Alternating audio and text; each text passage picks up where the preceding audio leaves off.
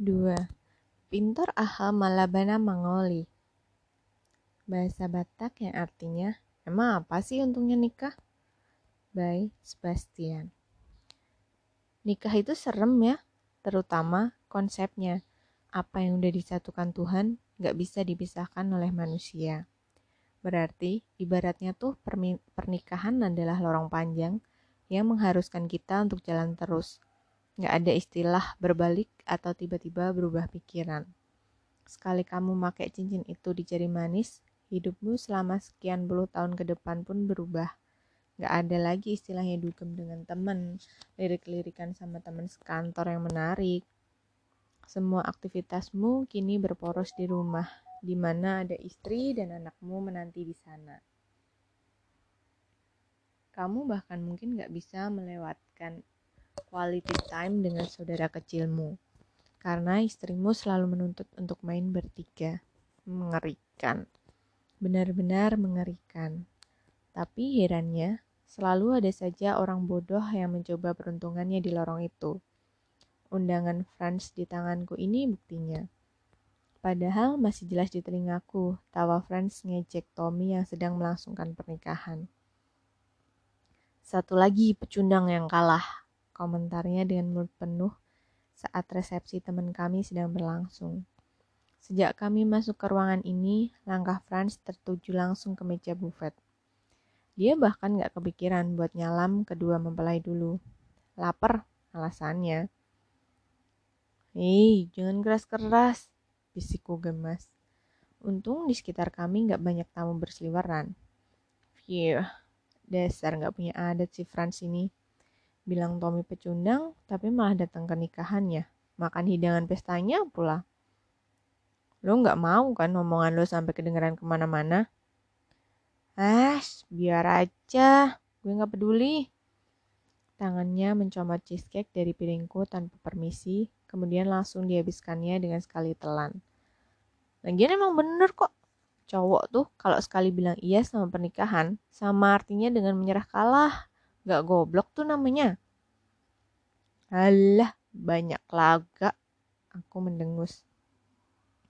Ntar cepat atau lambat lo bakal ditodong sama Vina ngajak kawin. Kawin mau, kalau nikah, cuy, nggak bakal. Lo tahu kan bukan itu sebenarnya maksud gue? Franz memutar bola matanya, lalu memandangku dengan tatapan meremehkan. Ya, ya, lo satu-satunya orang yang berpendapat kalau nikah dan kawin itu sama. Ya sama dong, Franz. Once you fuck her, you'll face the convention to marry her. Tapi sama pelajar enggak kan? Kilahnya sama baik kalau lo ngelakuin sama Pecun di Mahakam sana lo atau sama Vina lo tetap sama-sama harus bayar sama Pecun lo bayar pakai duit dan Vina lo bayar pakai cincin sial nakut takutin lo ya Nop, cuma mau ngingetin lo sama kenyataan aja seandainya aku ketemu Franz sama, ketemu sama Franz sekarang sambil mengajukan undangan pernikahannya lalu menyunggingkan senyum kemenangan aku akan berkata, Tuh kan gue bilang juga apa, suatu hari nanti lo bakal harus bayar Vina. Ini buktinya. Aku penasaran, pengen tahu seperti apa raut muka Franz waktu aku membalikan semua ucapannya dulu. Setelah menghidupkan televisi dan VCD player, aku mengaduk-aduk koleksi VCD pornoku di laci lemari paling bawah. Kalau melihat koleksi VCD porno yang kupunya, Orang-orang mungkin akan mengira aku maniak seks atau apa. Padahal sebenarnya enggak. Bersetubuh dengan cewek pun enggak pernah. 100% aktivitas lima jari. Onani maksudku. Dan itulah salah satu alasanku kenapa enggan menikah. Gak sedikit selentingan ku dengar bahwa motif mereka pengen cepet-cepet nikah adalah demi ngejar kawinnya doang. Istilahnya seks yang dilegalkan. Konyol banget. Masa nikah buat seksnya doang? Kalau cuma pengen itu mah aneka pecun juga banyak kali tersedia. Atau kalau demennya yang sama alterna rasa alternatif, cewek-cewek taman lawang bisa jadi pilihan. Atau kalau nggak mau repot, takut AIDS dan semacamnya, ya nani. Model VCD porno dan tisu doang buat ngelap-ngelap. Tahu dong maksudku. Jelas itu jauh jauh jauh jauh lebih murah daripada biaya, biaya resepsi dan tatak pengeknya. By the way, untuk soal film porno, aku lumayan pemilih juga loh. Aku tuh suka film porno yang ada ceritanya. Kayak ini nih, The Fucking Syndrome. Ceritanya tentang sekelompok peneliti yang menemukan zat yang bisa bikin manusia jadi horny hanya dengan mencium aromanya saja. Tapi tanpa sengaja tabung tempat zat tersebut terjatuh dan semua laburan di ruangan itu terangsang karena karenanya. Meskipun bukan favoritku, aku lumayan suka film ini. Soalnya biarpun ceritanya peneliti, tapi cewek-cewek di film itu seksi-seksi abis. Cuma makin ngeri di balik jas labnya. Benar-benar berbanding terbalik kalau dibandingin sama pengalaman di laboratorium pas kuliah dulu. Selain itu, aku juga merhatiin pemerannya kalau dulu sih masih bisa dipastiin dari sampel depannya, tapi sekarang udah nggak bisa. Soalnya sering ketukar-tukar, di sampulnya gambarnya hot, eh ternyata dalamnya beda. Malah pernah aku ketipu dapat film yang sampul depannya vulgar banget, cewek-cewek telanjang dengan tatapan mata mesum dan pose menantang, nggak taunya pas dipasang isinya film gangsternya Choi Yun Fat. Males banget dah aku tuh sukanya kalau pemainnya ganteng dan cantik. Malah aku prefer merhatiin aktornya, karena biasanya kalau cowoknya ganteng, mainnya nggak kasar. Itu pula alasanku membenci film porno Cina dan Jepang. Karena selain cowok-cowoknya biasanya nggak berotot dan jelek, kurasa itu alasannya jadi bintang film porno karena jelek dan ngerasa lebih appealing di bawah sorotan kamera ketimbang di dunia nyata. Mereka juga memperlakukan ceweknya kasar banget bisa dibilang semi pemerkosaan malah. Kasian banget. Bukannya menikmati, bawaannya malah ngerasa berdosa. Karena seolah-olah jadi saksi mata tindak kriminal atau apa. Akhirnya aku menentukan pilihan. Tere Label 2. Bersetting di rumah bordil, bordil yang didesain ala oriental. Meskipun belum pernah nonton bagian pertamanya, ya ini lumayan seru. Pemainnya cantik-cantik Bahkan ajaibnya, untuk pertama kalinya aku nonton film porno bule yang ada orang Indonesia-nya. No, really? Aku sampai ngerasain, ngerasin volumenya. Biasanya aku nonton dengan volume suara dikecilkan. Sebenarnya dengan suara bisa juga nggak apa-apa sih. Gak bakalan kedengeran tetangga sebelah rumah. Hanya saja rasa berdosa bikin aku sedikit takut untuk ngelakuin itu. Hah? Dosa? takut dosa kok tetap rajin nonton film porno. Ironis banget ya aku ini. Untuk memastikan penjelasannya match dengan teks Indonesia yang tertera di bawahnya. Believe it or not, bahkan sekarang film porno pun ada teks terjemahannya. Hmm, bukannya nggak mungkin bentar lagi bakal ada film porno yang didubbing. Dan memang benar cewek itu diperkenalkan bernama Naomi Marcella dari Jakarta. Hmm, Letak televisi sengaja aku buat berhadapan langsung dengan tempat tidurku, supaya bisa nonton sambil rebahan. Kulepas celana pendekku dalam perjalanan menuju tempat tidur. Posisi menonton paling bagus tuh kalau bantalnya dibuat tinggi, nempel ke dinding. Untuk menyangga punggung. Ah, perfect. Setelah memperkenalkan temen si Naomi yang orang Kamboja bernama Lucy, akhirnya mereka dipertemukan dengan cowok rocker yang memesan mereka. Tatonya nyaris di seluruh tubuh. Jadi inget Tora Sudiro. Happy birthday to me, kata si cowok rocker. Lalu menyambut kedua cewek itu dengan tangan terbuka. Happy birthday to me too, batinku. Sambil tersenyum kecil, aku menonton film ini selama 15 kali mungkin. Sampai aku katam setiap kata-katanya. In fact, dialognya nggak banyak. Iyalah, porn gitu loh. Jadi gampang ngafalnya. Hihi. Sementara mereka saling mencium dan menyentuh, tahu-tahu saudaraku ikut bereaksi. Perasaan aneh yang menyenangkan sontak mengaliri setiap pembuluh darahku. Sambil rebahan, aku mulai menikmati setiap erangan dan desahan lirih cewek-cewek itu sembari memejamkan mata. Jadi iri sama si Tato. Seandainya aku jadi bintang porn juga, Eh, kok jadi inget jok joroknya si Franz ya. Jadi ceritanya ada cowok keterbelakangan mental yang dibawa konsultasi sama orang tuanya ke psikolog. Mereka ngeluh karena anak mereka kalau buang air kecil suka mencar ke mana-mana. Jadi mereka minta bantuan si psikolog untuk mengajarinya. Seharian si psikolog mengulangi tahap-tahap buang air kecil ke cowok keterbelakangan mental itu. Satu, buka celana. Dua, tarik kulitnya. Eh, maksudnya biar nggak berantakan pipisnya. Gus. Waktu aku cerita bagian ini ke Lula, aku sampai harus menjelaskan pakai bahasa biologis skala. Hmm, emang cewek memang gak cocok buat cuk ini. Tiga, pipis lah. Empat, setelah selesai lepas kulitnya. Dan terakhir, lima, celananya dibuka lagi. Emang sih cowok itu gak ada masalah lagi buat buang air kecil. Tapi orang tuanya tetap mengeluh dan bawanya ke dokter. Kata ibunya, dok gimana sih setiap kali dia berlama-lama di kamar mandi saya sering mendengar bilang dua empat dua empat. Maksudnya apa sih dok?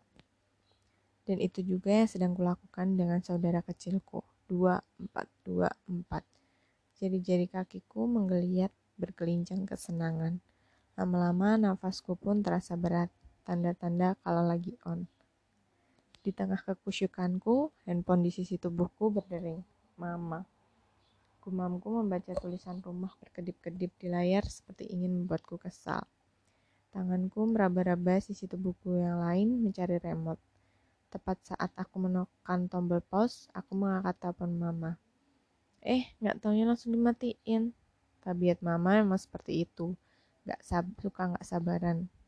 Dan selain gak sabaran, mama juga gak suka kemauannya dibantah. Biasanya sih aku memilih mengalah tapi kalau topiknya udah melenceng ke soal pernikahan, eh uh, perang mulut semalaman suntuk pun jadilah. Kayak minggu lalu tuh, waktu aku mampir ke rumah mama buat kangen-kangenan. Awalnya memang biasa aja. Mama menyambutku di depan pintu, langsung nawarin kolak pisang yang baru aja matang. Mama sengaja bikin buat kamu loh, katanya dengan nada menyanjung. Yah, soal makanan siapa yang bisa nolak? Apalagi masakan mama sendiri. Kolak lah. Tanpa pikir panjang, aku langsung duduk di meja makan, menunggu kolak pisang yang dibawakan mama dari dapur. Pembicaraan kami bisa dibilang ringan dan santai, seputar gosip art artis. Mama penonton setia infotainment di televisi, dan kejadian sehari-hari. Mama lalu cerita minggu depan sepupuku martumpol. Bisa disamakan dengan pertunangan. Dengan bidan di Parsambilan, somewhere in Tapanuli sana. Wah, bidan. Tolong dibaca dengan intonasi sinis. Profesi calon para muain favoritnya mama-mama Batak, tepatnya di bawah guru dan dokter. Jadi, Anigan maho, maho naing mangoli. Jadi, kapan nih kamu nyusul nikahnya? Kata mama menyedokkan kolak lagi ke piringku. Ah, some old story. Aku malas berdebat dengan mulut penuh. Jadi, kupikir pura-pura tuli adalah keputusan yang bijaksana. Tapi mama seolah nggak ngerti dengan aksi diamku. Mama terus nerocos, mengulang-ulang nasihat yang sama kayak kaset rusak. Agustus nanti kamu genap 26, Sep. Tambah dewasa, tambah matang. Tapi mama nggak melihat tanda-tanda kamu tertarik untuk menikah. Kenapa? Apa perlu mama carikan jodoh untukmu? Enggak, makasih. Aku tahu jelas seperti apa perempuan yang bakal dia jodohkan denganku. Yang ayu, feminim, anggun, dan berkelas. Yang menurut mama adalah lambang derajat keluarga. Yang menurutku adalah cewek lemah yang melulu harus selalu dijaga, diemong, bikin repot pokoknya. Hilang sudah selera makanku. Kusandarkan sendokku di sisi piring dengan kasar hingga menimbulkan suara berdenting.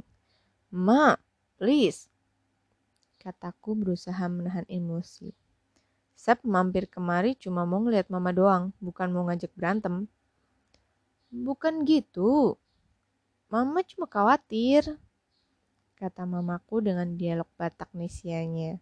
Bahasa Indonesia pakai logat Batak Medan. Laki-laki seumur kau sudah mulai mikir-mikir kalah pernikahan, membina rumah tangga, kasih cucu buat mamamu ini. Tapi kau kelihatan Kulihat gak ada pikiranmu ke sana. Ola nakare taurus. Kubereng song, songona soadong roham mengalului dongan-dongan calon paru main. Ai aha doma masalah na anaha nasobu ido tarlupahon so hu si si stella dohan nihalat minna joloi kerja terus kulihat kayaknya nggak ada ya niat membuat cari pacar calon menantu apa sih sebenarnya masalahnya anakku Mama memang nggak bisa kalau lupakan si si Stella kan mantan pacarmu itu Ma, nggak perlu berpikir sedramatis itu. Sep cuma kepikiran sama, that's all. Sep cuma belum kepikiran ke sana, that's all. Tapi mau sampai kapan kau begini? Nggak kasihan ya kau sama mamamu ini? Mamamu ini udah tua, Sep. Mama takut nggak sempat ngeliat cucu pertama mama lahir. Mama ngomong apa sih? Aku mengerit nggak suka dengan mendengar mama mengungkit-ungkit soal kematian segala. Mama akan baik-baik aja, percaya sama Sep. Tapi soal pernikahan, sorry, Sep gak janji. Terlalu berat, Ma. Lagian, kenapa Sep harus nikah? Sampai sekarang Sep belum bisa nemu jawabannya. Selama ini Sep cuma tahu alasan dari versi Mama saja. Supaya Mama sempat sempat ngadirin nikahan Sep. Supaya Mama bisa nimbang cucu pertama Mama. Lalu Buat Sep sendiri apa? Apa? Pernikahan itu Sep, bego, bisa ngelengkapin kebahagiaan kau. Jawaban yang sangat klise. Saking klisenya aku nyaris tergoda untuk menyahut amin di akhir ucapan mama tadi. Kebahagiaan seperti apa? Kalau ngelihat pengalaman papa dan mama berumah tangga sih Sep jadi rada ngeblur gitu sama arti kebahagiaan lengkap yang memaksud. Sep! Seru mama dengan suara bergetar. Raut wajahnya kini lebih dramatis dari sebelumnya. Oh great, berarti sebentar lagi aku bakal ngeliat episode Malin Kundang dengan aku sebagai si Malin Kundangnya. Anak durhaka yang gak tahu balas budi sama orang tua. Anak yang selalu bikin ibunya menangis. Mama gak suka kau menjelek-jelekan bapamu sendiri, pantang. Ya, dan Sep juga gak suka mama terus-terusan maksa Sep nikah. Kataku mencoba untuk bersikap lebih lunak meskipun terpaksa. Aku menarik nafas panjang, meratapi nasib yang gak beruntung selalu terjepit dalam perasaan bersalah yang sama. Kayak dulu waktu mama bersikeras memasukkanku ke jurusan kedokteran mengikuti jejak almarhum papa. Padahal aku gak suka. Kami bertengkar hebat gara-gara itu. Meskipun akhirnya mama mengizinkanku mengambil jurnalistik, tapi tetap aja sepanjang kuliah aku terus-menerus didera rasa bersalah karena nggak menuruti keinginan mama. Karena itu, kadang-kadang aku berharap jadi anak sebatang kara aja. Paling nggak, semua keputusan benar-benar ada di tanganku. Nggak harus melibatkan mama segala. Mama nggak ada masuk lain. Cuma biar kau bahagianya, Sep. Ah, udahlah. Mama nggak tahu lagi mau ngomong mau Mama nggak tahu lagi mau ngajarin ngajarin kamu. Dikit-dikit langsung lawan. Bahagia? Dalam kamusku, bahagia tuh adalah berada di pelukan Naomi Marcella atau Lucita yang seksi itu. Bahagia tuh punya rumah dan mobil sendiri, bukan motor buntut yang kupunya sekarang. Bahagia tuh kalau aku bisa menggeser posisi tua Bang Kadar Mono sebagai chief editor referee majalah gratisan yang konsen pada gaya hidup dan tren kosmopolitan tempatku bekerja. Tapi bahagia karena menikah. Bah, kepikir juga enggak. Malah aku menganggap pernikahan tuh sumber segala masalah. Gak perlu jauh-jauh deh nyari buktinya. Pernikahan orang tuaku cuma bagus di album foto doang. Tersenyum mesra, pegangan tangan. Di luar itu, ah papaku tuh orangnya keras kepala dan selalu menuntut untuk dipatuhi permintaannya kalau enggak, dia bakal marah. Bahkan gak segan-segan main tangan. Aku udah dua, dua kali kena tamparannya. Padahal umurku baru tujuh tahun. Saking kesalnya, aku bersumpah di depan mama. Kalau sampai papa nampar aku lagi, aku keluar dari rumah.